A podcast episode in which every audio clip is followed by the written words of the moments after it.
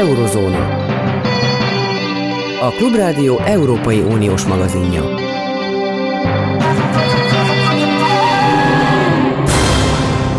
Jó napot kívánok, a mikrofonnál Kárpáti János. A mai műsorban szó lesz az EU csúcsról, Ukrajnáról, valamint az Egyesült Államok uniójának a helyzetéről. Jó napot kívánok! Először is az Európai Unió csúcs találkozójáról beszélgetünk Arató Lászlóval, a Klubrádió brüsszeli tudósítójával. Szervusz Laci! Szervusz János, jó napot kívánok mindenkinek! Az MT mahajnali jelentése úgy fogalmaz, hogy az Európai Unió meg fogja erősíteni külső határait, és lépéseket fog tenni, hogy megelőzze az illegális migrációs beáramlást. Ezt mondta Ursula von der Leyen, az Európai Bizottság elnöke, az EU tagországok vezetőinek egynapos csúcsértekezletét követően ma hajnalban. Na hát arra kérlek, hogy konkretizáljuk egy kicsit ezt a dolgot, hogy milyen lépéseket fognak tenni a külső határok megerősítése érdekében. Itt van egy kulcs szó, ami az elmúlt időszakban az erről szóló vitákban újra és újra visszatért, a fal, amely mint egy mítikus fogalommá emelkedett, jó-e a fal, a falak építésével, felhúzásával? Lehet-e védeni Európát, Európa erődöt kell létrehozni, a magyar gyakorlat arról szólt, hogy tessék szíves lenni kifizetni, illetve nem magyar gyakorlat, hanem a magyar követelés úgy hangzott Orbán Viktor részéről, hogy az Európai Unió fizesse ki a határvédő mű építésének a költségeit. Brüsszelben ezt nem akceptálták. Változik-e a légköre tekintetben? Bár, bár egyértelműnek tűnne a dolog, de uh, mégsem, mégsem ilyen egyszerű ami elhangzott és konkrét kerítésekkel vonatkozóan hangzott el, az az, hogy ami nagyon fontos, az, hogy a bolgár-török határon legyen egy kerítésen megerősített határ, illetve a másik oldalon a, a, a Litvánia, a Belorusszal határos Európai Uniós országok területén legyen erős határőrizet, hiszen azon a területen többször láttuk már, hogy a menekülteket, menedékkérőket, migránsokat eszközként akarták felhasználni. Hogy ebben a, és dobták át a határon, hogy ebben a helyzetben a magyar határkerítés sorsa mi lesz, tehát hogy kifizeti el az Európai Unió, arra azt tudom mondani, hogy Ursula von der Leyen arról beszélt, és ez van leírva egyébként a tanácsi következtetésekben is, hogy az, hogyha valahol van egy kerítés, az önmagában kevés. A kerítéshez kellenek különböző kiegészítő dolgok, őrtornyok, megfigyelőrendszerek, kamerák, utak a kerítés mentén, autók. Ezek azok a, a felszerelések, amiket az Európai Unió, mondja Ursula von der Leyen, forrásai, forrásaiból tud támogatni, tehát konkrétan arról nem volt szó, hogy a kerítés építését is. Úgyhogy én azt gondolom, hogy most el fog kezdődni majd egy újabb vita a szavak értelmezéséről, és elő fog kerülni ez a, ez a dolog megint, de hogyha, hogyha nem Magyarországról nézzük ezt az egészet, akkor azt kell látni, hogy a külső határokon általában nem a, nem a magyar-szerb határt szokták érteni, hanem a sokkal délebre fekvő határterületeket. Tehát a feladat az az lenne, hogy ne is legyen lehetősége arra a, a gazdasági bevándorlóknak, hogy elérjék a magyar-szerb határt, hanem még különböző, tehát nem csak falakkal, hanem egy sokkal szigorúbb határőrizettel, még ha a Nyugat-Balkán útvonalra beszélünk, akkor ott a, a, a déli határokon, tehát a tenger, egyrészt a tengereken, másrészt meg a déli szárazföldi határokon állítsák meg az illegális bevándorlókat, hogy aztán ők tudjanak átkelni a Nyugat-Balkánon, és ne jussanak el Magyarországig sem. Igen, a Frontex, az EU határvédelmi ügynöksége kivonult Magyarországról, mert nem volt hajlandó asszisztálni ahhoz a magyar gyakorlathoz, amely nem teszi lehetővé a migránsok számára, hogy menedékkérelmet adjanak be az országban, mondván Szerbia egy biztonságos ország, és aki megpróbál besurranni, átjutni, azt rövid úton kizsuppolják, és vissza kísérik a hivatalos szóhasználat szerint, visz, ki, átkísérik szerb területre. Tehát a, a, azt az alapvető jogot, hogy mindenkinek joga van menedékkérelmet benyújtani. A magyar hatóságok gyakorlatilag nem teszik lehetővé ennek a jognak a gyakorlását, illetve hát külképviseleteken tennék lehetővé. És akkor ehhez ugye a Frontex nem volt hajlandó asszisztálni, és kivonult az országból. Ilyen értelemben változhat-e a gyakorlat? Tehát volt-e szó ezen a csúcson arról, hogy a Frontex bővíti a szerepkörét, többet fog tenni, fejlesztik a, a, a méretét, hogy, hogy uniós standardek szerinti határőrizet legyen a külső határokon. Igen, a Frontexnek a szerepének, költségvetésének, feladatkörének a megnövelése az a 7 éves költségvetésben is benne van, tehát a, a Frontexet egy 10 ezer fős állandó alakulatra fogják fölfejleszteni pár év múlva, és ők fogják el látni a nemzeti hatóságokkal együtt a határvédelmet is, ehhez megkapják a különböző eszközöket, amikre szükség van. Ugye az valóban úgy van, hogy, és lépenyomon hivatkoznak a Frontexre, hogy ezekben a tevékenységek nem csak a nem csak a határvédelemben, hanem például a menekül, a, az illegális bevándorlók, tehát akik nem jogosultak menedékre, azoknak a visszaküldésében is a Frontexnek uh, nagy, nagyobb szerepe van, meg eszközei lesznek, vagy vannak erre a célra. Ugye hát ez, ez gond, hogy Magyarország ezt sem tudja uh, igénybe venni. És gyorsan uh, zárójelben említsük meg, hogy az, amit említettél te is, hogy milyen magyar menekülti szabályozás van most, Ugye az előző megbukott az Európai Bíróságon, a most a jelenlegi meg pedig most van folyamatban a tárgyalása, tegnap volt éppen a tárgyalás, és pár hónap múlva ítélet várható abban az ügyben, ahol szintén a jelenlegi, jelenleg hatályos magyar menekültügyi rendszernek az uniós joggal való össze nem egyeztethetősége a, a tárgya. Szóval e, az elképzelés az az, hogy a, az erős határőrizet mellett egy olyan határ átengedési mechanizmus fognak működtetni, ez ugye a belépési pontokra vonatkozik, tehát valahol a, a déli, déli pontokra, ahol már előzetesen megszűrik azokat a személyeket, akik átlépik a határt, nem is léphetnek be olyanok az, az EU területére, akiknek egy előzetes szűrés alapján nem lesz jogosultságuk arra, hogy, hogy az EU-ban tartózkodjanak. Tehát őket azonnal vissza is fogják fordítani, vissza fogják küldeni, és hát azon folyik még a vita, hogy ezt milyen keretek között tegyék meg, tehát hogy milyen táborokba tereljék be őket, hogy ez megfeleljen az európai és a nemzetközi jognak, és hogy milyen eszközöket használjanak még, hogy a visszaküldések hatékonyabbak legyenek, tehát több repülő kellene, nagyobb befogadókészség a partnerországoktól, szóval ezeken is folyik még a vita.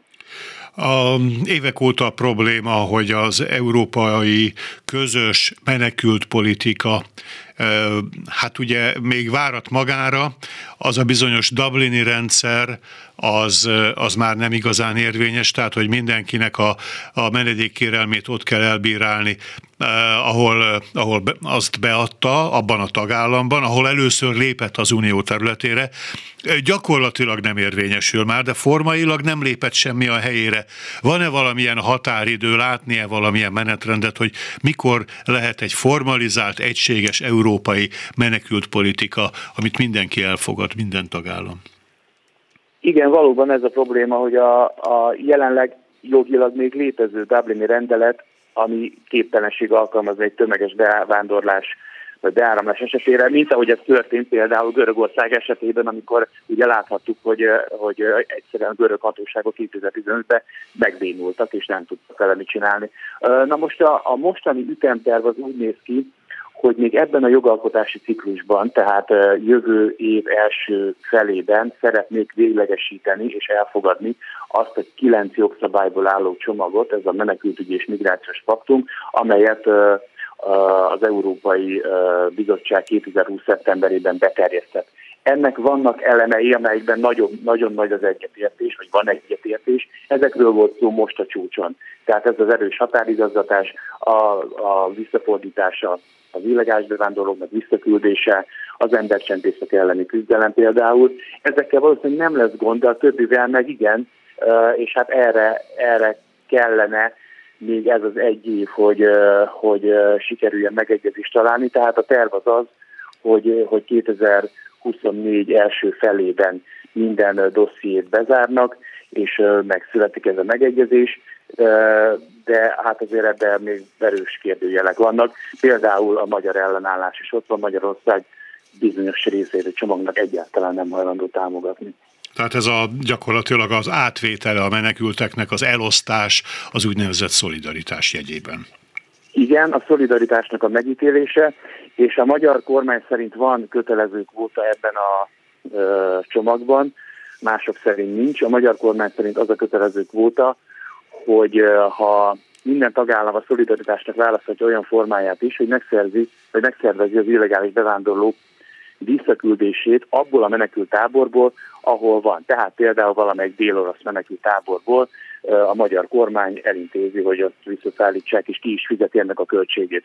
Na most, hogyha ez nem sikerül 8 vagy 9 hónapon belül, akkor ezt a szemét az adott tagállam területére át kell vinni, hogy ott folytassa ugyanezt a próbálkozást a visszaküldéssel, és ezt gondolja a magyar kormány kötelező kvótának, Szóval azért mondom, hogy itt a részletekben ilyen szinten fog majd még a, a vita menni a következő hónapokban. Köszönöm szépen Arató Lászlónak, szervusz, legjobbakat kívánok! Minden jót kívánok, szervusz! Eurozóna.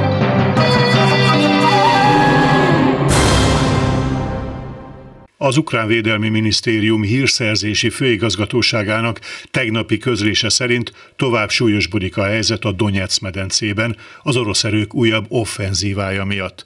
Itt van velünk a vonalban Bendarzsevszki Anton, a poszt-szovjet térség szakértője. Jó napot kívánok! Jó napot kívánok, üdvözlöm és üdvözlöm a hallgatókat is. Közelebbről mit tudunk a jelenlegi hadihelyzetről, mennyire tekinthető már megindultnak a beharangozott orosz offenzíva, vagy ez még csak a féle felkészülés, előkészület-e?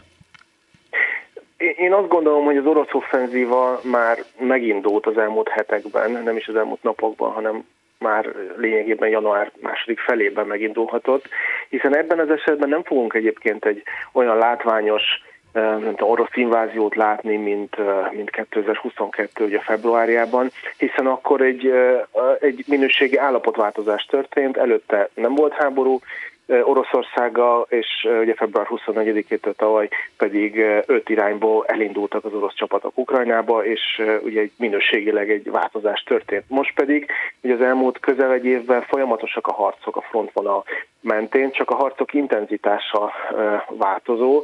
Ugye egészen 2022. június-júliusáig egészen magas intenzitással folytak a harcok orosz részről, aztán pedig kifogytak az emberi erőből és a felhalmozott tartalékokból, és Oroszország egy, egy sokkal alacsonyabb intenzitással tudta a maga részéről a háborút működtetni, és ugye ukrán sikerekről volt szó 2022 második felében. Most pedig ugye megint az a helyzet, hogy Oroszország jelentős tartalékokat halmozott fel, főleg emberi erőben, ugye a szeptemberről meghirdetett mobilizáció meghozta a hatását, kiképezték azokat a, a behívott katonákat, és gyakorlatilag december óta fokozatosan növelte a harcok intenzitását, elsősorban a Donetszki térségben, majd pedig azóta folyamatos erő átcsoportosítás történt a frontvonalra. Itt elsősorban ugye a Donetszki térség mellett Luhanskról beszélhetünk, illetve bizonyos zaporizsiai területekről. Tehát gyakorlatilag az elmúlt hetekben a műholdas felvételek alapján azt láthatjuk, hogy egyre több orosz erő érkezett a frontvonalra, és, és a harcoknak az intenzitása pedig növekedett.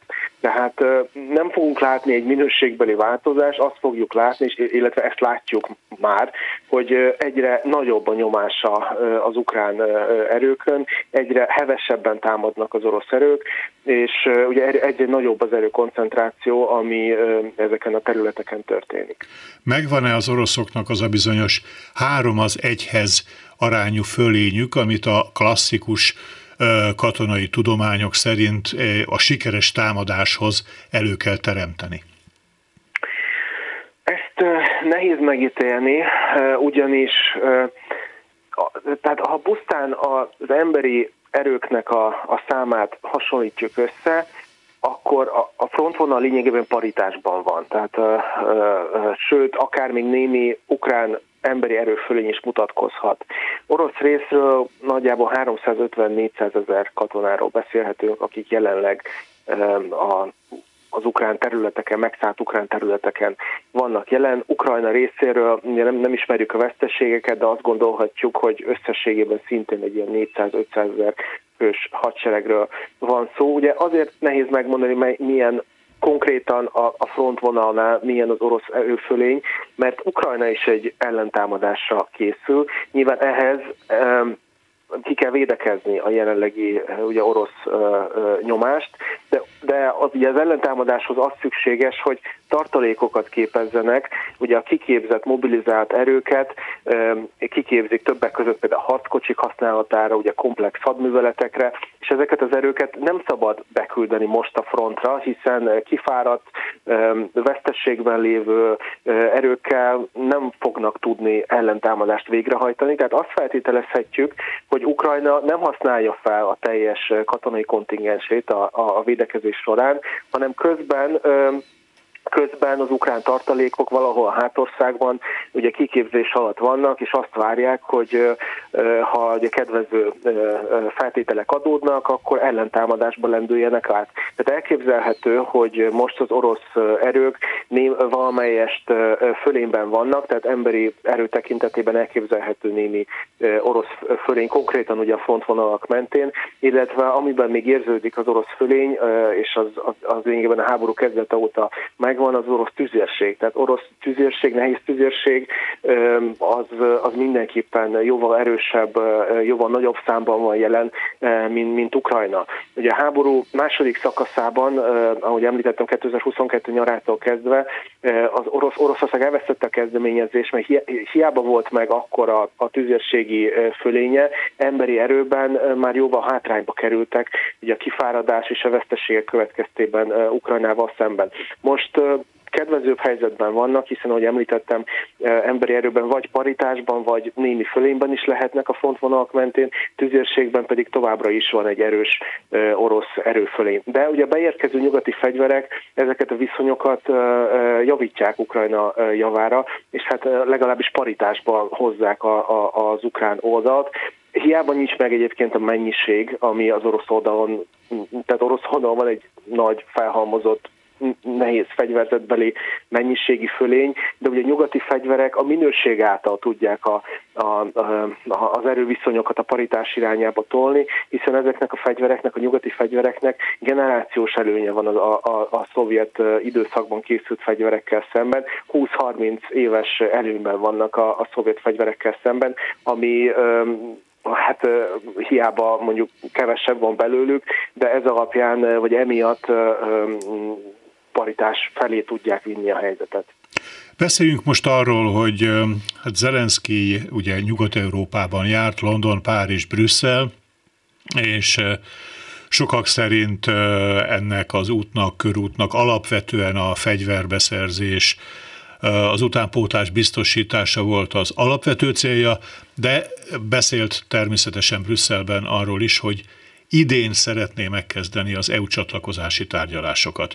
Na most Ursula von der Leyen szerint viszont érdemtől függ az előrehaladás, tehát egyáltalán nem biztos az, hogy dátumokhoz lehet ezt kötni. Ukrajnának kell bizonyos dolgokat felmutatnia ahhoz, hogy előre lehessen lépni a, a megígért, tagjelölti státus már megvan, EU csatlakozási folyamatban. Mik azok a teendők, amiket leginkább meg kell tennie az ukránoknak. Az egyik, hallottuk a hírekben, hogy bizonyos embereket leváltottak, korrupció elleni küzdelem. Ezt, hogyha áttekintenénk röviden, hogy milyen lépések történtek e tekintetben, mennyire, mennyire halad az EU-konformá válás ebben a tekintetben? Megmondom őszintén, hogy háború alatt nem tartom valószínűnek, valószínűnek, hogy Ukrajna EU csatlakozása jelentősen erő, előre lépne. Hiszen az Európai Unió által elvárt bizonyos lépéseket háborús viszonyok mellett nem lehet meglépni, nem is lehet garantálni. Most mondok egy jellemző példát, sajtószabadság. Ugye a háborús viszonyok alatt az ukrán sajtó viszonylag korlátozottan működik, hiszen bizonyos folyamatokról nem lehet beszámolni, ugye bizonyos ugye az ukrán hadsereg mozgásáról, az ukrán hadsereg kritikájáról nem lehet megfogalmazni ilyen sajtóközleményeket. Tehát például a sajtószabadság önmagában, hát, de ez teljesen érthető, de, de ugye ez például egy alapvető Európai Uniós elvárás lenne, ugye a sajtószabadság, vagy a politikai viszonyoknak a, a, a kiegyenlített biztosítása. Tehát azt gondolom, hogy az Európai Unió részéről elhangozhatnak bizonyos bátorító ö, ígéretek, de, de konkrét csatlakozási előrelépésről csak akkor fogunk tudni beszélni, ha a háború Ukrajnában lezáró és egy hosszú távú lezárása lesz. Egyébként, ami a konkrétumokat illeti, az Európai Bizottságnak a, a tagjelölt státusz megadása előtt volt egy 7 pontból, 7 pontból álló hát ilyen ajánlása, amit Ukrajna számára fogalmaztak meg, és ugye első körben Ukrajnának ezt a hét ajánlást kell valamilyen módon, hát ha nem is teljesíteni, de egy előrelépés mutatni ebben a hét pontban. Többek között ugye a korrupció felszámolása van a pontok között, az igazságügyi reformnak a, a lefolytatása, a piaci gazdaság irányába tett javító intézkedések, vagy az alkotmányvédelmi bíróság felállítása és annak a függetlenségének a biztosítása, ezek szerepeltek többek között az Európai Bizottság ajánlásai között, és múlt héten volt egy közös EU-s ukrán csúcs Kievben, és többek között Ukrajna abban bízott, hogy a, a bizottság akkor megfogalmazhat egy valamilyen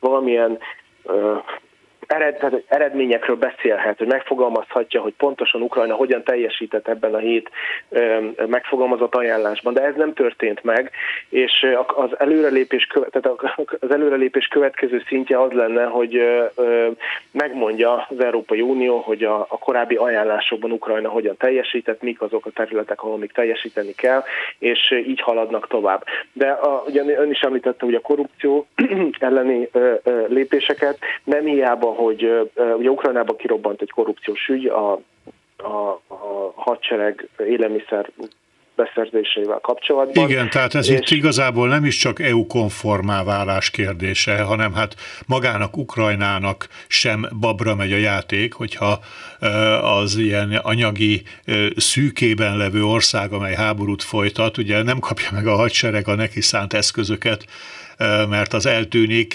lenyelik, elnyeli a föld, akkor azért az, az a leg, legszorosabb értelemben vett önérdeke Ukrajnának, hogy ez ellen lépéseket tegyen.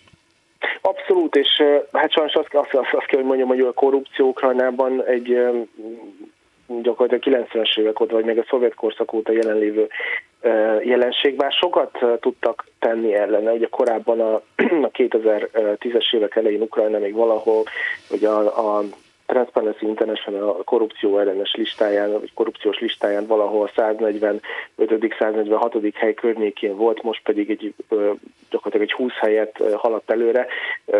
Még mindig nem túl jó a helyzet, de, de látszik a, a javulás iránya ebben a tekintetben, de a, a leváltások ugye az említett korrupciós ügy miatt olyan leváltási hullám indult, ami többek között egyébként azt mutatja, hogy az ukrán kormány és ugye Volodymyr Zelenszky demonstrálni próbálja a szövetségesei felé és az Európai Unió felé, hogy a legkomolyabban veszi ezeket a korrupciós vádakat, és ugye mindent megtesznek, hogy leszámoljanak a korrupcióval, és megtegyék az intézkedéseket a korrupcióval szemben. De ez egy jelenlévő probléma, és biztos, hogy hosszú lesz még az út ezen a téren. Nagyon szépen köszönöm Bendazsevszki Antonnak a beszélgetést, viszont hallásra minden jót kívánok. Köszönöm szépen a beszélgetést, szép napot kívánok. Eurozóna. Az amerikai kongresszusban kedden elmondott évértékelő beszédében Joe Biden elnök együttműködést ajánlott az új törvényhozás alsóházi republikánus többségének, és arra hívta fel a figyelmet, hogy az elmúlt két évben 300 olyan törvényt írt alá, amely két párti, amelyet kétpárti támogatással fogadtak el. Itt van velünk a vonalban Nagy Gábor, a HVG vezető szerkesztője, Amerika szakértő. Szervusz! Szervusz. Hát ugye az, az évértékelő amerikai találmány, az Egyesült Államok alkotmánya is előírja az elnök számára kötelezettségként, hogy rendszeresen be kell számolnia az unió helyzetéről a törvényhozásban. Ezt az amerikai szokást vették át az Európai Unióban, most már az Európai Bizottság elnöke is minden évben tart évértékelőt, Magyarországon is a miniszterelnök tart évértékelőt, sőt ellenzéki pártvezetők tartanak évértékelőt, tehát a szokás dicséretesen elterjedt, de azért térjünk vissza Amerikához.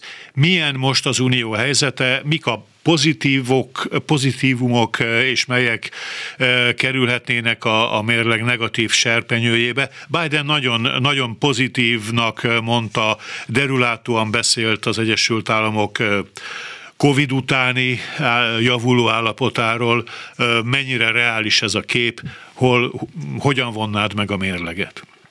Hát egyrészt neki hivatali kötelessége, hogy pozitívan beszéljen az Egyesült Államok helyzetéről, hiszen ő az elnök, és ezzel a saját és a pártja és a kormánya politikáját dicséri, tehát ez borítékolható volt. Másrészt neki bizonyítania kellett azt, hogy még egy ellenzéki, jelen esetben republikánus többségű képviselőházzal is kész és képes együttműködni. Harmadrészt pedig az amerikai gazdaság helyzete az valóban úgy tűnik, hogy jó, most a foglalkoztatási adatok azt mutatják, hogy a munkanélküliség a 60-as évek óta nem volt ilyen alacsony.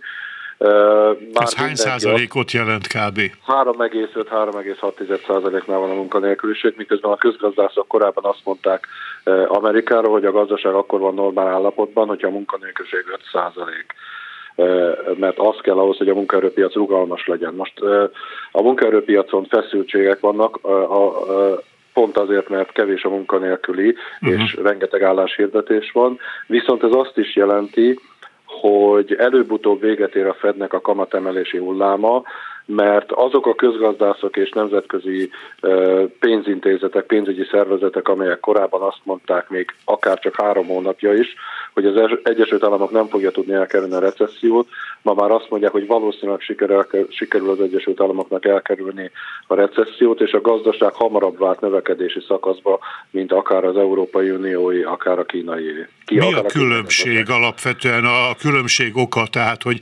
Európához képest jobban magára talál az amerikai gazdaság?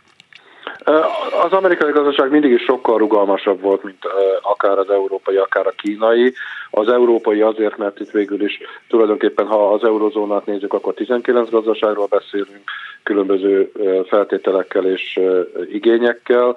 Ha az egész EU-t nézzük, akkor 27 gazdaságról beszélünk, Kínában pedig a központi akarat gyakran félreviszi a gazdaságirányítást. Az Egyesült Államokban viszont egyrészt maga az USA adja a világ GDP-nek a negyedét, másrészt a dollár tartalékvaluta, harmadrészt pedig az amerikai gazdaság mind az elbocsátásokban, mind a, a, a munkaerő felvételében is mindig sokkal rugalmasabb volt, mint, mint az Európai Unió, ha most piacgazdaságról beszélünk. Ez látható volt akár a 2008-as válság, akár a Covid járvány idején is. Nagyon hamar felszökött nagyon magasra az amerikai munkanélküliség, majd nagyon gyorsan visszatért a, a foglalkoztatás a korábbi szintre, sőt, jelen esetben tovább is emelkedett. Tehát az amerikai gazdaságnak a súlyánál fogva van egy hatalmas ereje és vonzereje, és a gazdaságpolitika miatt pedig van egy rendkívüli rugalmassága, amivel sem Európa, sem Kína nem rendelkezik. Tulajdonképpen a Covid alatt iszonyatos összegeket öntöttek, vágtak a lakossághoz, és, és növelték a vásárlóerőt. Hogy állunk az inflációval? Talán túl sokat is, tehát ez a gondolatmenet abszolút oda vezet, hogy a közgazdászok ma már azt mondják, persze utólag mindenki okos, hogy a Covid idején annyi pénzt öntött a Fed, a kormány, a, Fed, a központi bank és az amerikai kormány a vásárlók zsebébe, hogy aztán az egy ilyen felturbózott kereslet formájában jelentkezett, amikor az emberek újra vásárolni kezdtek a, a járvány végeztével, már nem csak online, hanem a, a fizikailag is, meg visz újra mehettek étterembe, hogy ez is hozzátartozott ahhoz, hogy felpörgették az inflációt, de hát persze utólag könnyű okosnak lenni, valóban a kormány politikája az volt, és ez Biden hangsúlyozta, de nem csak ő csinálta, hanem Donald Trump is csinálta annak idején, a Donald Trump kormányzat is, hogy valóban mérhető és hát magyar szóhasználattal a holdról is látható összeget pumpáltak az, a gazdaságba és az emberekhez azért, hogy föntartsák a gazdaság működését a járvány alatt. Hát ennek a, ennek a levét most azzal itták meg, hogy az infláció meglódult, de az infláció is csökkenőben van az Egyesült Államokban. Az milyen nagyságrendű most?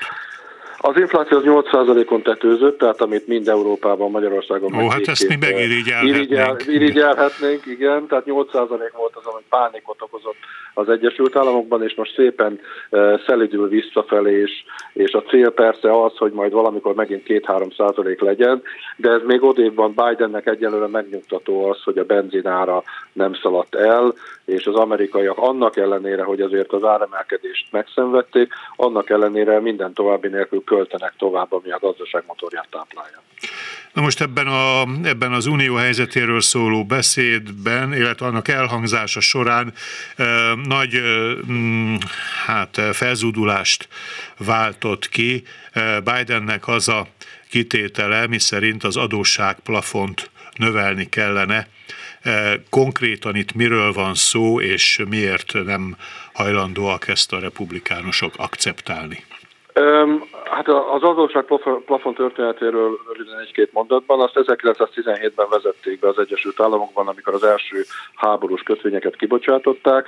Addig az amerikai szövetségi kormány egyrészt sokkal kisebb szerepet játszott, másrészt alig-alig adósodott el minden egyes kötvény kibocsátását külön jóvá hagyatta a kongresszussal, akkor vezették be az adósságplafont. Az adósságplafon egy kicsit csalóka dolog, és egy politikai gumicsont, ha úgy tetszik, mert az adósságplafon az azt jelenti, hogy a, az amerikai költség, amerikai kormány milyen összegig bocsáthat ki, ez most 34 ezer milliárd dollár magasságában van valahol, milyen összegig növelheti az, az amerikai államadóságot, vagyis milyen mértékben bocsáthat ki új kötvényt a régiek refinanszírozásán túl.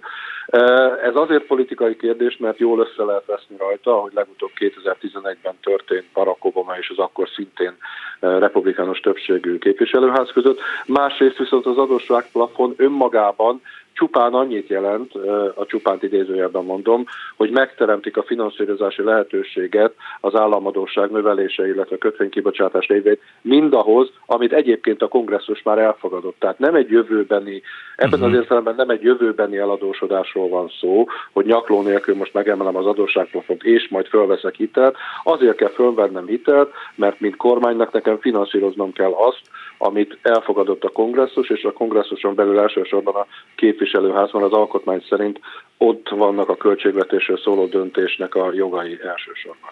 Igen, hát Amerikában azért az is egy ilyen a politikai rituálé része majd, hogy nem, hogy évvége felé jönnek a, a, a viták, hogy akkor meddig költhet a kormány, mikor kell leállni a szövetségi kormányzatnak, mikor zár be a nemzeti parkokat felügyelő belügyminisztérium, mert nincsen pénz, és akkor a kongresszus megajánlja a működéshez szükséges összegeket, és ez majdnem minden év vége felé egy ilyen, ilyen össznemzeti játék szokott lenni. Hát ugye októberben fordul a pénzügyi év Amerikában, Igen. október 1-ével, addigra már most már illik elfogadni. Most az a helyzet, hogy január végén már bekövetkezett az a helyzet, hogy elérték az adósságplafont, ez Janet Yellen pénzügyminiszter közölte is. Most vannak azok a trükkök százai, amiket Amerikában alkalmaznak, hogy megint egy magyar kifejezéssel éljek, amivel különböző... De erről Amerikában mindenkinek tudnia lehet, igen. Persze, erről lehet tudni, és ezt meg is mondta Janet Yellen, hogy mostantól körülbelül május végéig, június elejéig van időtök nektek, politikusoknak és a képviselőházi republikánus többségnek és a demokrata elnöknek kitalálni azt, hogy mi legyen, mert addig azzal, hogy ide-oda teszünk tételeket, a, például a nyugdíjalapba, a szövetségi nyugdíjalapba, a Social Security-ba jelenleg nem töltik föl, amivel föl kéne tölteni, egyszerűen betesznek egy ilyen váltó jellegű ígérvényt, hogy majd, ha megállapodnak az adósságplafonról, akkor az újonnan kibocsátott kötvényekből beteszik azt a pénzt. Tehát ilyen könyvelési trükkökkel tartják fent jelenleg az Egyesült Államok technikai fizetőképességét, és hát persze a közgazdászok már most azzal riogatnak, hogyha nem sikerül megállapodni az adósságplafonról, akkor olyan június közepetáján elérkezik az az időpont, amikor az Egyesült Államoknak fizetésképtelenséget kell jelenteni. Erre erre még nem volt példa, 2011-ben közel voltak hozzá, akkor annyi történt, hogy a Standard Poor's, az USA és a Standard Poor's történetében először leminősítette az amerikai államadóságot. Az érdekes történet, igen, mindenképpen. De a dollár, ahogy említetted is az előbb, hát ugye tartalékvaluta továbbra is. Tulajdonképpen az amerikai fizetőeszköz őrzi a pozícióját az euróval szemben, mert azért az uniónak is van egy ilyen ambíciója, hogy az euró legyen a tartalékvaluta. Mi, hát hogy áll ez a harc? Van egy olyan ambíció az, az Európai Uniónak, meg persze Kínának is, hogy a yuan minél inkább tartalékvaluta legyen, de azért az amerikai valuta a, szerintem még mindig legutóbb, amit láttam, kétharmados többséggel rendelkezik. Egyszerűen azért, mert az amerikai államkötvényben mindenki megbízik, ezt a bizalmat nem kellene most fölrúgni a, a politikai szereplőknek. Másrészt pedig annyi minden a dollártól függ, kezdve az olajárától kezdve, az összes nyersanyag árát olajban határozzák meg, tehát mindenkinek érdeke az, hogy, olaj, hogy dollárt dollárban határozzák meg, bocsánat. Mindenkinek érdeke az, hogy dollárt halmozzon fel, dollár aktívákba fektessen be. Most a Fed kamatemelésének következtében kifejezetten jó a hozam mind a dolláron, mind a dollár aktívákon. Egész egyszerűen, és mondom, az egész visszavezet oda, amiről beszéltünk, hogy az Egyesült Államoknak 25% os a súlya a világ GDP-jében, tehát minden negyedik dollárt Amerikában állítanak elő. Nehéz versenyezni egy ilyen valutával, akár az eurónak is, mint a dollár. Ezzel tulajdonképpen már át is eveztünk a külpolitikára, amiről viszonylag, viszonylag kevesebb szó esett az idei évértékelő beszédben, de Ugye e, van egy hír, az elmúlt napok híre, e, a médiában nagy sztori, ez a kém léggömb, kínai kém léggömb, ami nem tudom mennyire, mint csebben a tenger tükrözi az Egyesült Államok és, és Kína viszonyát, amely nem tudjuk eldönteni, hogy hol versengő, hol ellenséges, hol, hol modus vivendit kereső. Hogyan látod, hogy ez az incidens, hogy, hogy lelőttek egy ilyen kínai kém ballont, amely éppen, hogy elhagyta az Egyesült Államok területét, az Atlanti óceán fölé ért, puf, lelőtték, ez, ez fog-e rontani sokat a viszonyon, illetve mik azok a mélyebb folyamatok, amelyek meghatározzák Washington és Peking viszonyát? Hát én úgy gondolom, hogy ez a dolog el fog csitulni, lezajlik minden ilyenkor szokásos diplomácia és külpolitikai teendő, az amerikaiak tiltakozni fognak és felháborodnak, a kínaiak pedig már most magyaráznak és tagadnak. Nyilvánvaló, hogy ez egy kémműhold volt, azóta kiderült, hogy, bocsánat, kém léggömb volt, Azóta kiderült, hogy Kína elég sok kém léggömböt felbocsátott már világszerte, az Egyesült Államok területén is, a területe fölött, és a, a Pentagon meglehetősen szűkszavú volt ebben a dologban, de annyi kiderült, hogy már Donald Trump és Biden idején korábban is voltak ilyen léggömbök, csak azt ugye puszta szemmel nem látták, ezért agyon hallgatták a dolgot mind a kínaiak, akiknek nem volt érdekük, mind a Pentagon, legfeljebb ráfogtak arra, hogy úristen, már megint ufót láttak. Én úgy gondolom, hogy ez a kínai-amerikai versengés része, egy kicsit ilyen James Bondos része, de az amerikaiakat sem kell ez ügyben félteni. Ugye sokan emlékeztettek e, két dologra egy, az amerikai múltban, az egyik a, az U-2-es kémrepülőgép esete volt, amikor az amerikaiak is azt mondták, hogy hát ez egy meteorológiai mérőgép volt, uh-huh. kiderült, hogy nem.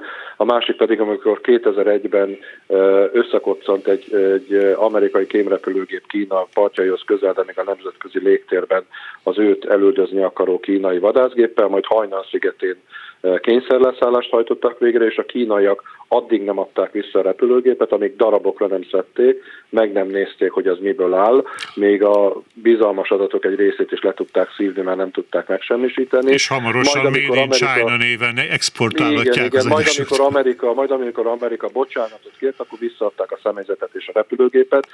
Ebben az esetben nyilván az lesz, hogy az amerikaiak most már a nagy részét kihalázták ennek a léggömnek és a hozzátartozó részeknek, és mondta is a Pentagon, hogy kíváncsiak arra, hogy meddig jutott Kína a kémkedésben. Tehát mik voltak, milyen eszközök, műszerek voltak ennek a léggömnek a fedélzetén, amivel mit tesz Isten, berepültek Montánában a fölé, a légibázis fölé, vagy közelébe, ahol a három légibázis egyik, ahol interkontinentális balisztikus rakéták vannak. Tehát a szél csak úgy nem fúj oda egy, uh-huh. egy hatalmas léggömböt egy ilyen, egy ilyen stratégiai fontosságú hely fölé. Tehát a dolog nyilvánvaló, ha úgy tetszik, lehet úgy tekinteni, hogy egy új, az előzőhöz hasonlatos hidegháború egyik epizódja, de mindenképpen most egy kicsit profán módon a nagyhatalmi játék része. A hidegháborút említetted, viszont van egy meleg háború, egy forró, pusztító háború uh, Ukrajna területén az orosz agresszió következtében. Uh, hogyan áll Kína ehhez a, ehhez a helyzethez? Mennyire erős a Peking-moszkvai közeledés? Aggasztja-e ez Washingtont? Hogyan néz ki ez? Én úgy gondolom, hogy aggasztja Washington, Kína és Oroszország közeledése. Ugyanakkor Washingtonban én úgy gondolom, hogy azt is fölmérték, hogy, hogy történt bármi is, vagy hangozott el bármi is azon a találkozón, ami a Pekingi téli olimpia és az ukrajnai háború előtt lezajlott Putyin és Xi Jinping között. Azért a kínaiak mindig is igyekeztek persze, amikor nem éppen egy Mao őrület volt rajtuk, lett rajtuk úrrá, mindig igyekeztek lavírozni annak érdekében, hogy ők jöjjenek ki a legjobban a dologból. Tehát egyrészt egyik oldalról Kína, én úgy gondolom, igyekszik fenntartani a párbeszédet az Egyesült Államokkal, és ez a párbeszéd, ha majd lecsitulnak itt a kém, kém léggöm körüli felhajtások, szerintem helyre fog állni, mindkét oldalról megvan a szándék másrészt pedig ami rossz az én ellenfelemnek, az jó nekem alapon, suba alatt azért támogatják az oroszokat, de csak egy bizonyos határig. Tehát senki nem állítja azt, hogy Kína ugyanúgy fegyvert szállított volna az oroszoknak, mint mondjuk Irán. Tehát, és Kína mosolyogva megveszi nyomottáron az orosz energiahordozókat. Tehát Kína igyekszik egyrészt mutatni azt, hogy egy Egyesült Államokkal szembeni önálló entitás, másrészt pedig ebből a lehető legjobb módon kijönni, és a két háborúzó fél ebben az esetben az Egyesült Államok persze nem közvetlenül háborúzó fél, de az egyik felet támogatja a háborúban, a kettő között maradni és megtartani a saját mozgásterét minél inkább. Igen, az Egyesült Államok szerepe Ukrajnát illetően borzasztóan fontos és, és kényes kérdés. Most különösen, amikor úgy tűnik, hogy zajlik, kibontakozóban van egy orosz offenzíva, és a nagy kérdések egyike, hogy a nyugati haditechnika mikor érkezik Ukrajnába, időben érkezik-e Ukrajnába ahhoz, hogy elhárítsák ezt az orosz offenzívát. Moszkvai narratíva szerint az Egyesült Államok úgymond proxy háborút vív Ukrajnában, hogy Oroszország tulajdonképpen az Egyesült Államokkal harcol majd, hogy nem, és, és az amerikaiak szítják a tüzet. Ez a moszkvai narratíva. Egy másik vélekedés pedig, amit olvastam, az, hogy az Egyesült Államok borzasztóan igyekszik egyensúlyozni, hogy támogatja az ukránokat, erősíti őket katonailag, de nem annyira, hogy Oroszország katasztrofális vereséget szenvedjen, mert abból egy világkáosz lenne. Meg lehet találni ezt az egyensúlyt, játék a tűzzel kétségtelenül. Én, én azt hiszem, hogy ahogy most már lassan egy éve folyik az ukrajnai háború, ahogy végignézünk a háború menetén, ez az egyensúlyi helyzet mindig máshol volt. Tehát ugye korábban még Scholz is azt mondta, hogy legfeljebb sisakokat küldenek Ukrajnának, Olaf Scholz a német kancellár, Igen Korábban az amerikaiak kizárták azt, hogy Heimerseket adjanak, majd adtak Heimerseket, kizárták azt, hogy Patriotokat adjanak, majd adtak Patriotokat. Elképzelhetetlennek nevezték, hogy a Heimersekhez nagyobb hatótávolságú lövedékeket adjanak, majd adtak kizárták százszázalékos biztonsággal, hogy tankokat adjanak, majd megígérték. Tehát mindig tolódnak ezek a vonalak. De most tartunk vannak... ott, hogy még nem, nem adnak F-16-osokat. Most, tartunk, most tartunk ott, hogy F-16-osokat még nem adnak, és persze az M1 Abramsek is még hónapok mire megérkeznek, Igen. és azokat még tudni kell vezetni és megüzemelni, és azik ilyen turbo generátor hajtóműve, lehet, hogy rosszul mondom, szóval speciális hajtóművekkel rendelkeznek az Abramsek, nagyon nem könnyű őket üzemeltetni, meg karbantartani, meg utánpótlást biztosítani, de ezzel együtt igen folyik Ukrajna felfegyverzése, és ez mindig egy ilyen határnak a kipuhatolása is, tehát hogy Oroszország meddig nem tekinti hadviselő félnek az Egyesült Államokat. Egyébként az Egyesült Államokon is belül, Egyesült Államokon belül is vannak már olyan neokonzervatív elemzők, akik azt mondják, hogy hát tulajdonképpen mi már hadviselő fél vagyunk Ukrajna támogatásán keresztül Oroszországgal szemben, de még nem de jure. Tehát még nincs közvetlen összecsapás, és nem is szeretnének közvetlen összecsapást. Ez, ez, ez mindig egy ilyen, hogy mondjam, ilyen azokat az egyensúlyi helyzetek változása, amiről beszéltél, vagy azok a vörös vonalak, amiket meghúznak, de ez gondolom ugyanígy volt kisebb mértékben a vietnámi háború idején is, amikor az amerikaiak tudták, hogy szovjet fegyverek segítik a észak-vietnámiakat, és tudták, hogy szovjet katonai tanácsadók ott vannak, mégsem került szembe a Szovjetunió az Egyesült Államokkal. És úgy gondolom, hogy most egy fordított irányban e, e, zajlik ez a dolog, és az Egyesült Államok is, ahogy mondtad, vigyáz arra, hogy ne legyen közvetlen összecsapás, mert akkor tényleg kiszámíthatatlanná válik az egész. Megítélésed szerint az ukrajnai háború megfordította-e a trendet abban az értelemben, hogy a korábbi években mindig arról volt szó, hogy Amerika számára Európa már nem annyira fontos, a, a figyelem leginkább a távol-keleti csendes óceáni térségre irányul, és, és hát így aztán a NATO is hát úgy veszít a jelentőségéből ha egyszer végre kötnek valamilyen békét, elhallgatnak a fegyverek Ukrajnában, az Egyesült Államok katonai masszív megerősített kelet-európai jelenléte továbbra is fennmarad, és akkor újra fontos Európa és Kelet-Európa? Hát én úgy gondolom, hogy a háború tanulsága zár, záruljon bár, bármilyen módon is, mindenképpen az lesz az Egyesült Államok és Európa viszonyában, illetve a nato belül, hogy a súlypontnak át kell helyeződni a NATO-nak a, a keleti régiókra, tehát kell egy olyan védőfalat felhúzni, amelyik legyen bármilyen Oroszország ezután a konfliktus után, amelyik Oroszországgal szemben védelmet nyújt, és Oroszország ellen elrendettést jelentett. Ebben az értelemben át fog értékelődni. Európa is maga, főleg Macronnal az élen, a francia elnökkel az élen átértékeli a maga biztonságpolitikai szerepét. Tehát az is látszik, hogy az Egyesült Államok ilyen intenzív katonai jelenlétet nem valószínű, hogy akar majd föntartani, és azt is akarja majd, hogy Európa legyen önállóbb, kölcsön többet a hadseregre, a védelemre, és legyen egy európai stratégiai gondolkodás. Mert Amerikában is erősödik az a vélemény, és a republikánusoknál különösen erősödik, akik most többséggel rendelkeznek a képviselőházban, és szeretnék visszaszerezni a Fehérházat, hogy az igazi ellenfél az Kína katonailag, gazdaságilag, technológiailag, tehát az erőket oda kell összpontosítani, és ha sikerült lezárnia ezt az ukrajnai háborút és Oroszországot megfékezni, akkor nagyobb szerepet adni Európának a közös európai katonai politikában és védelemben. Én úgy gondolom, hogy ez egy, ez egy ilyen lehetséges és valószínű szenárió. Nagyon szépen köszönöm Nagy Gábornak a beszélgetést. Én élveztem. Szervusz legjobbakat. Szervusz, köszönöm szépen. És ezzel az eurózóna véget ért. A szerkesztő Bencsik Gyula, a telefonnál közreműködő Lehocki Mirjam és a technikus Turi Lui nevében is búcsúzik a műsorvezető Kárpáti János. Önök a Klubrádió Európai Uniós magazinját hallották.